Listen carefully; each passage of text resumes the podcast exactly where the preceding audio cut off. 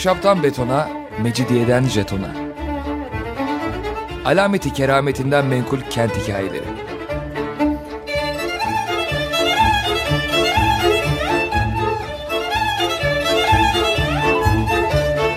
Hazırlayan ve sunan Pınar Erkan.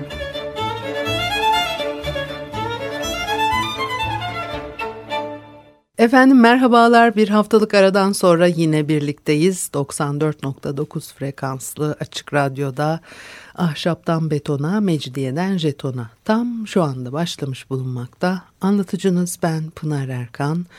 Elektronik posta adresim pinarerkan.yahoo.co.uk bugün programda ne var?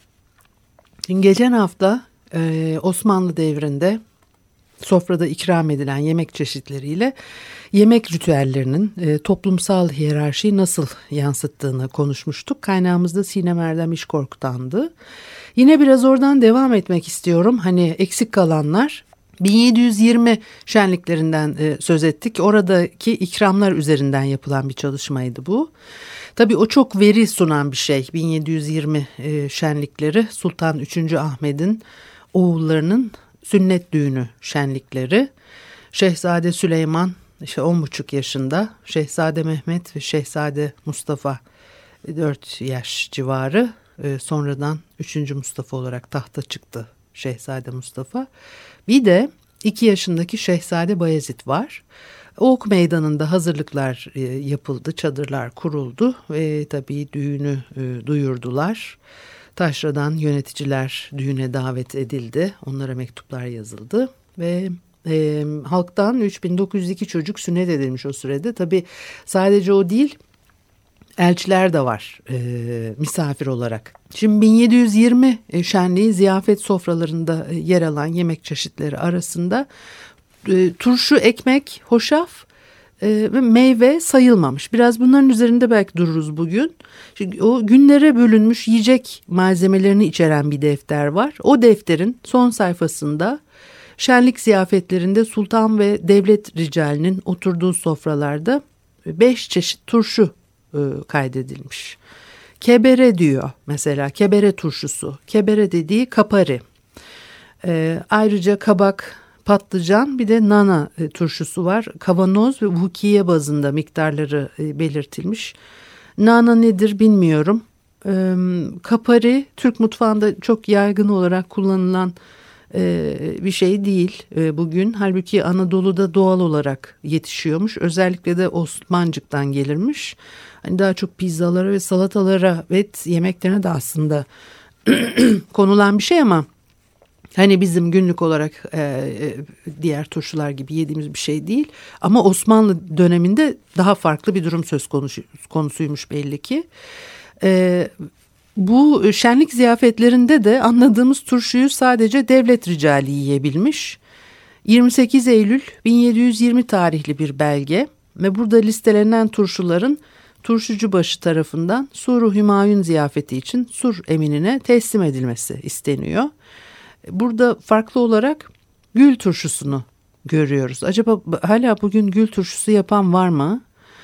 E, toplu muhasebe defterinde gül turşusu diğerlerine göre çok az miktarda görülüyor. E, belki de sadece belirli kişiler için alınmıştı veya her gün sunulmadığı için günlük malzemeler arasına kaydedilmemiş de olabilir. İşte yani çalışmalar da tabii böyle yapılıyor. Bu defterler taranıyor ondan o oradaki bilgilerden bir takım yorumlar çıkartılmaya çalışılıyor. Bunların haricinde sultana haftada 3 kavanoz kapari turşusu ve 3 vukuye e, muhtelif turşulardan gönderilmesini belirten bir e, not var. O 3 vukuye 3.8 kilo ve sadrazam için de 5 kavanoz turşu isteniyor. Demek ki şenlik haricinde de sultan ve yöneticileri bol miktarda turşu tüketiyorlar. Yani o haftada 3 kavanoz kapari de tek başına yemiyordu herhalde biraz o da çok görünüyor. Ekmekle ilgili daha az veri var.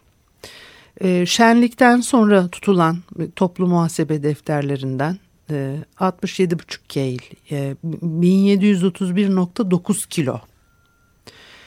E, kaliteli undan has ekmek, has çörek hazırlanmış. O keyli boş verelim de... E, ne o işte 8, 8 ton e, diyeyim artık. E, 80 ton ne 8 tonu? 80.954 kilo orta kaliteli unun e, yine bu e, Suruh Mayın ziyafetleri için ve şenlikte görev olan kişilere verilen günlük tayinatlar için kullanıldığını öğreniyoruz. Başka bir belgeden Sultan en üst düzey e, konukların sofralarına 3 adet has ekmek servis ediliyor. Bir alt kademedeki sofralarda bir adet has ekmek bulunduğu anlaşılıyor. Daha alt kademedeki şenlik görevlileri için ve de çanak yağması sırasında ne kadar ekmek servis edildiğini pek de bilemiyoruz. Ziyafetler esnasında yenilen yemekler kadar e, içilen içecekler de statü göstergesi olabiliyordu. Tabii bu ekmek enteresan çünkü ekmek çok dağıtılan bir şey. Ee, ama yine de onunla ilgili e, işte burada demek ki bu defterlerden o kadar bilgi çıkmış. Şimdi e, içecekler de elbette statü göstergesi olabiliyor. Örneğin 17. yüzyılın ikinci yarısında e, işte çeşitli ziyafet menüleri incelenmiş. Şerbetin her sofrada yer almadığı görünüyor. Hani, yani tabii kıtır şerbet diyeceğim ama tabii şerbet çok güzel bir şey aslında. 17. yüzyıl başında İstanbul'da bulunan e, Venedik balyosu Ottaviano Bonda e, aynı şeyi söylemiş. E, Balyos Efendi sadece paşalar ve diğer üst rütbelilerin şerbet içtiğini ifade ediyor. 1720 e, şenliğinin e, surnamelerinden birinde şerbetin sunulduğu kaseler dahi e, hiyerarşiye göre e, belirleniyormuş. O kaydedilmiş ve şenlik esnasında şerbet e, şerbet en üst rütbeliler için kasede, orta seviyedekiler için telatin kırba, alt seviyedekiler için kösele kırbayla sunuluyor. Eee yani en üst rütbeliler kase artık bu herhalde nasıl kase cam kase herhalde e, seramik kase mi ne, ne kase orta seviyedekiler için telatin kırba bu yumuşak dana veya öküz derisinden yapılan bir tür mataraymış. En alt seviyedeki, seviyedekiler içinse kösele kırba dedim o da kösele mataraymış. E, kase telatin e, veya telatin mi acaba? E, kırba ile servis edilen o şerbet şekerle yapıyorlar kösele kırbayla servis edilen şerbetle Yeniçeriler için meydana fıçı içinde konulan şerbet e, balla yapılıyor. Yani ancak üst rütbeliler şekerli şerbet içme ayrıcalığına e, sahipler. Şeker baldan kıymetli. Şenlik için tutulan e, muhasebe kayıtlarından öğrendiğimiz kadarıyla şenlik boyunca sunulan bu içecekler şekerle e, e, yapılanlar e, toplamda 845 kilo şeker. Amberli diğer çeşitler olmak üzere ikiye ayırmışlar içecekleri ve hazırlamak için de limon ve koruk suyu, amber, misk, sandal, şap renklendirmek için de kırmızı kullanılıyormuş. Akdeniz'de Kermez meşesinde yaşayan bir böcekten elde edilen kırmızı renkli boyaymış bu özellikle şekerleme, helva, macun ve reçel yapımında renk vermesi için e, kullanılıyormuş Osmanlı döneminde. Tabii bir de hoşaf var. E, belli bir rütbenin üstünde olan kişilerin sofralarında bulunuyor. E, sadrazamdan başlayarak divan görevlileri ve saray çalışanlarının sofra ve sahan sayıları belli. Kimlere hoşaf sunulacağı da e, belli. Buna göre sadrazam Defterdar Efendi, Suru Hümayun Katibi Efendi, Suru Hümayun Emine Efendi, Kilercibaşı, Mirahor Efendi, Kasapbaşı Ağa, e, Emini Defter Efendi, Yeniçeri Efendisi e, bunların sofralarında hoşaf e, bulunuyor. Hoşaf kaşığı da ayrıymış. Bir müzik arası verelim ondan sonra devam edelim.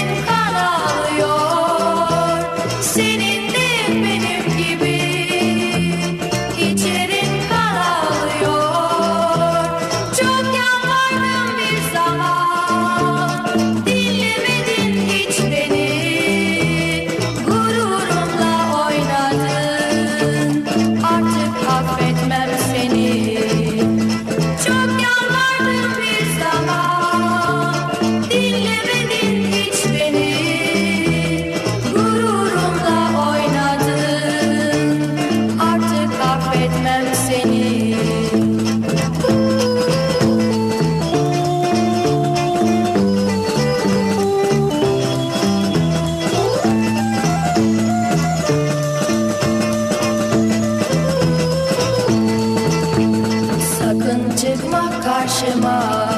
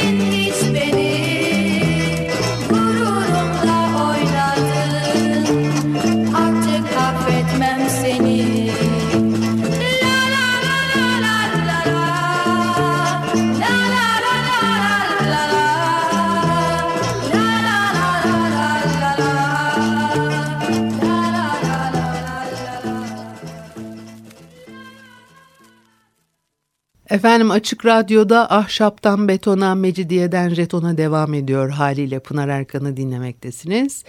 Ve 1720 şenliklerinde ikramların e, nasıl sosyal e, statüyü, hiyerarşiyi yansıttığını konuşuyorduk. Hoşaflar dedik. Hoşaf da sosyal statü göstergesiymiş. E, Günlük malzeme listesindeki beyana göre şeker, meyve, misk yumurtayla yapılıyormuş. Hoşaflar için şeker, misk ve yumurtanın dışında limon suyu, elma, ayva, kuş üzümü, kayısı, razaki üzümü, erik ve armut da kullanılmış. Şimdi burada tabii bu meyvelerle de ilgili bir durum var ama hani e, tabii hoşafın yumurtayla yapılması da enteresan. Hiç böyle bir tarifte e, e, hiç bugüne kalmamış. O da tabii üzüntü verici bir şey. Hoşafı nasıl acaba e, limonlu, e, limonlu değil e, yumurtalı yapıyordu. E, o bir enteresan bir şey. Şimdi e, yani bu türü çeşit tabii e, kuş üzümü kullanıyor, işte üzüm çok kullanılıyor filan. Belki hani o mevsimle de alakalı bunlar. O dönemde e, Eylül ayında filan çünkü bu şenlikler dolayısıyla e, o dönemde üzüm var. Başka bir e, hoşaf tarifinde daha yakın zamana ait diyor ki Acem elçisi Murtaza Kulu Han onuruna verilen ziyafette hoşaflar için elma, kuş üzümü, kayısı ve ayva gibi çeşitli meyvelerin kullanıldığı not edilmiş. Ee, çeşit çeşit hoşaf e, sunuluyormuş. Gerçi hani bunlar da yani baktığınız zaman bir sultan sofrası için o kadar da abartılı bir çeşit değil. Elma, kuş üzümü, kayısı, ayva nedir yani alt tarafı dört farklı e, hoşaf. E, ya da Allah bilir hoşafla alakası yoktu. Çiğ olarak yenmek üzere getiriliyordu meyveler sofraya. Çünkü bunlar tabii hani malzeme listesinden alınan şeyler olduğu için yemek yapılacak da illa pişirilecek diye bir şey yok. Hatta şöyle de bir durum var. 1722 yılında yine Acem elçisi Murtaza Kulhan onurla verilen ziyafette sunulan 51 çeşit yemeğin arasında meyveler ayrı bir çeşit olarak sayılmış. Zaten e, ziyafet minyatürlerinde de e, sofralarda küçük çini kaselerin içinde e, yemişler görülebiliyor. E, sofralarda yer alan bu yiyeceklerin dışında ziyafetlerden önce davetlilere e, gülbe şeker verildiğini e, kaydeden Hafız e, Mehmet var. Ayrıca sünnet olacak e, çocukların sünnet çadırında ağızlarının gül reçeliyle e, tatlandırıldığını da yazıyor. Bu gülbe şeker de gül reçeliymiş herhalde. Sultan çadırına günlük olarak gönderilecek yiyecekler arasında da yarım vukiye 641 gram gülbe şeker sayılmış. Bunun dışında e, kebad isimli sert kabuklu ve içi sulu bir limondan yapılan e, marmelattan söz ediliyor. Bu marmelat da e, ziyafet sofraları e, dışında e, tüketilen bir şey. Hani biz bugün de var hiç yenmiyor değil ama hani çok yaygın değildir limonla yapılan marmelat. Halbuki ne kadar güzel şeyler bunlar olsa da yesek.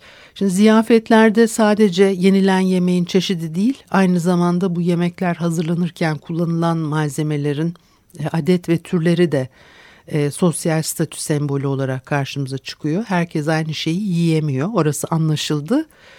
Hmm, farklı et çeşitleri ördek, güvercin dahil hem şenlik alanında görevli olan Birun e, mensuplarının hem de beş farklı günde şenlik ziyafetlerine katılan esnafın sofrasında e, yer alıyor.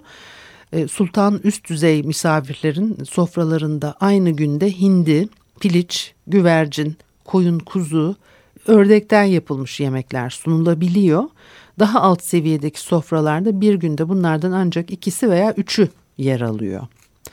E, düğün ziyafetinde ikram edilmek üzere Tekirdağ, Şarköy, İnecik ve Bursa'nın e, Göynük, Gölpazarı, Yenice, Taraklı kazalarından 7900 adet tavuk, 1450 adet mısır tavuğu yani o hindi ve 3000 adet piliç satın alınmış. 1000 adet ördek, 2000 adet güvercin de İstanbul'dan satın alınıyor. E, tabii başka bilgiler de var. Ben bu, e, hani yemekten söz ediyoruz diye e, atlıyorum onları. Aydınlatma ve e, mahyalar için 15 bin adet kandil, 10 bin adet mahya kutusu hazırlanmış filan. Çünkü biz hani bu başka neler yapmışlar bunları e, daha eski programlarda konuşmuştuk. Burada biraz özellikle yemek üstünde duruyoruz. Hiyerarşide daha alt kademede olan e, e, sofralar sebze bakliyat çeşitleri ve yemeklere tat veren çeşniler açısından da biraz e, renksiz. Her gün farklı miktarlarda nohut, buğday, bakla, kabak, e, patlıcan, soğan, e, soğan e, mülühiye diyor. Molehiya e, demekmiş bu. Molehiya da Kıbrıslılar sever. Molehiya çok da güzel olur. Onun e, yemeği gerçekten e, az bulunan bir şey. E, kavata, börülce, bamya ve yeşillik olaraksa maydanoz, nane kullanılmış. Sadece soğan, kabak, bamya, nohut, patlıcan daha alt kademedeki sofralarda yer alıyor. Kavatanın üst düzey sofraların yemeklerinde e, 4 gün haricinde her gün 200 e, ile 700 arasında değişen sayıda toplamda 14.080 adet kullanılmış olması. O da ilginç. Kavata e, yani Osmanlı Sarayı mutfaklarında bilinen en eski e, kullanımı 1694 yılında. Yeşil domates ve dolmalık biber karışımı bir tür sebzeymiş bu kavata. Acaba biliyor muyum ben bunu? Yani e, hani Bursalılar biliyordur herhalde orada yetiştiğine göre Bursa Nilüfer'de yetiştiriliyormuş en çok. Kavata domatesi ya da kavata biberi diye bilinirmiş. E, çok da lezzetli bir şeymiş herhalde. Edirne Sarayı'na 13.350 adet kavat alınmış 1694'te. Sonra 1774-1775 yılında o esnada Şehzade 3. Selim'in tayinatları arasında da kavata görülüyor. Fakat kavatanın yemek tariflerine girip yaygın olarak karşımıza çıkması ancak 1840'larda gerçekleşiyor. Zaten 19. yüzyıl öyle bir yüzyıl yine yiyecekler konusunda da daha böyle bir genişleme, çeşitlenmenin olduğu bir yüzyıl olarak e, karşımıza çıkar. Daha önce yenmeyen şeyler yenmeye başlıyor. Mesela salça malça falan diye bir şey yok Osmanlı mutfağında. Hani bugün o kadar e, çok kullandığımız bir şey. Çeşnilere e, gelince tuz, sirke, karabiber, limon suyu her kademeden sofrada görülüyor. Daha prestijli ve daha pahalı çeşniler olan tarçın, karanfil, kimyon, kakule, e, sakız, misk ve gül suyu. e, en üst düzey sofralarda yer alıyor bunlar ve toplu muhasebe defterine göre şenlik boyunca oldukça bol miktarda kullanılan karabiber var. 118 kilo.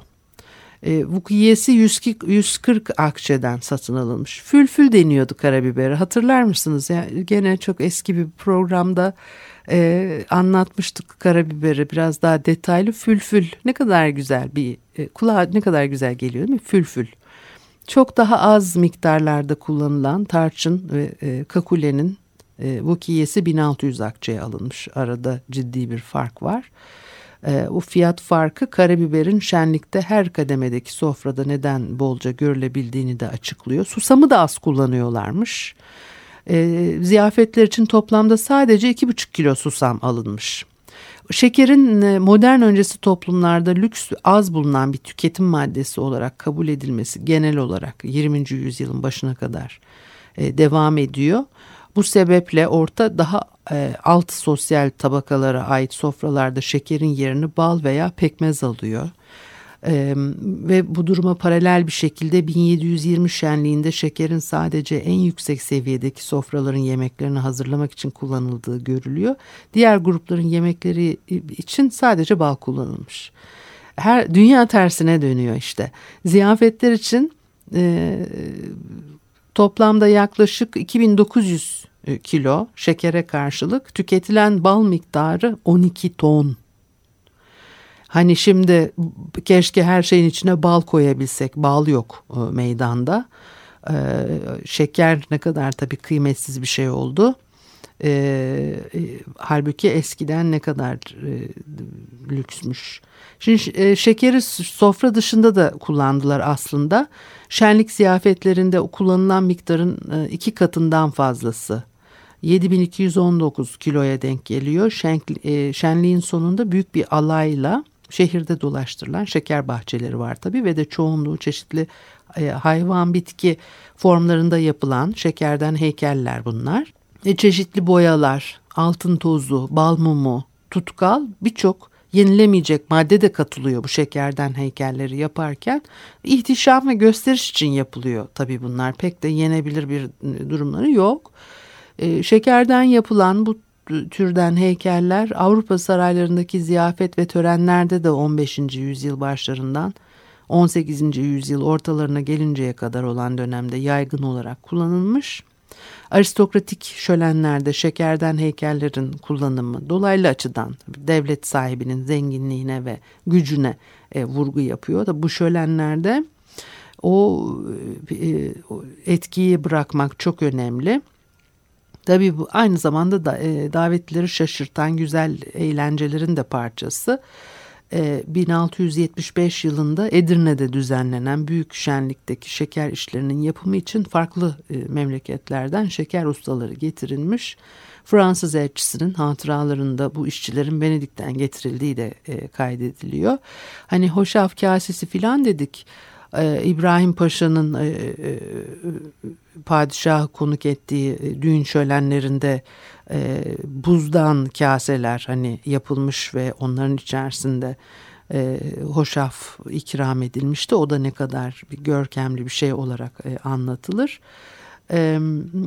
Avrupa saraylarındaki şölenlerin ayrılmaz bir unsuru haline gelen o şeker işleri 15-16. yüzyıllarda çoğunlukla tüketilebilen maddelerden e, yapılıyor. Ziyafet sonrası hizmetlilere dağıtılıyor.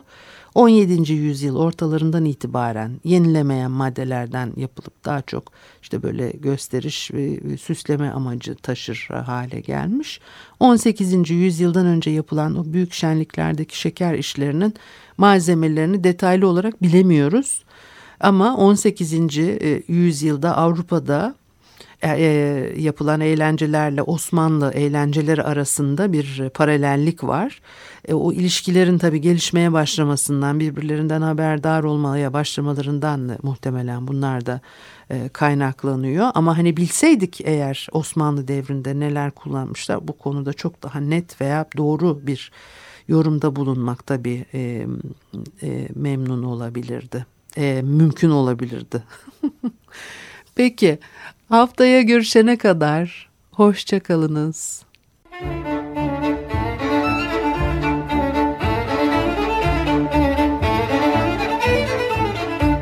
Ahşaptan betona, mecidiyeden jetona. Alameti kerametinden menkul kent hikayeleri.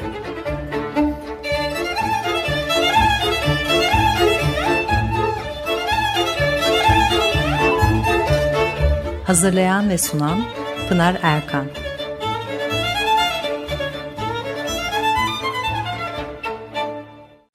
Açık Radyo program destekçisi olun.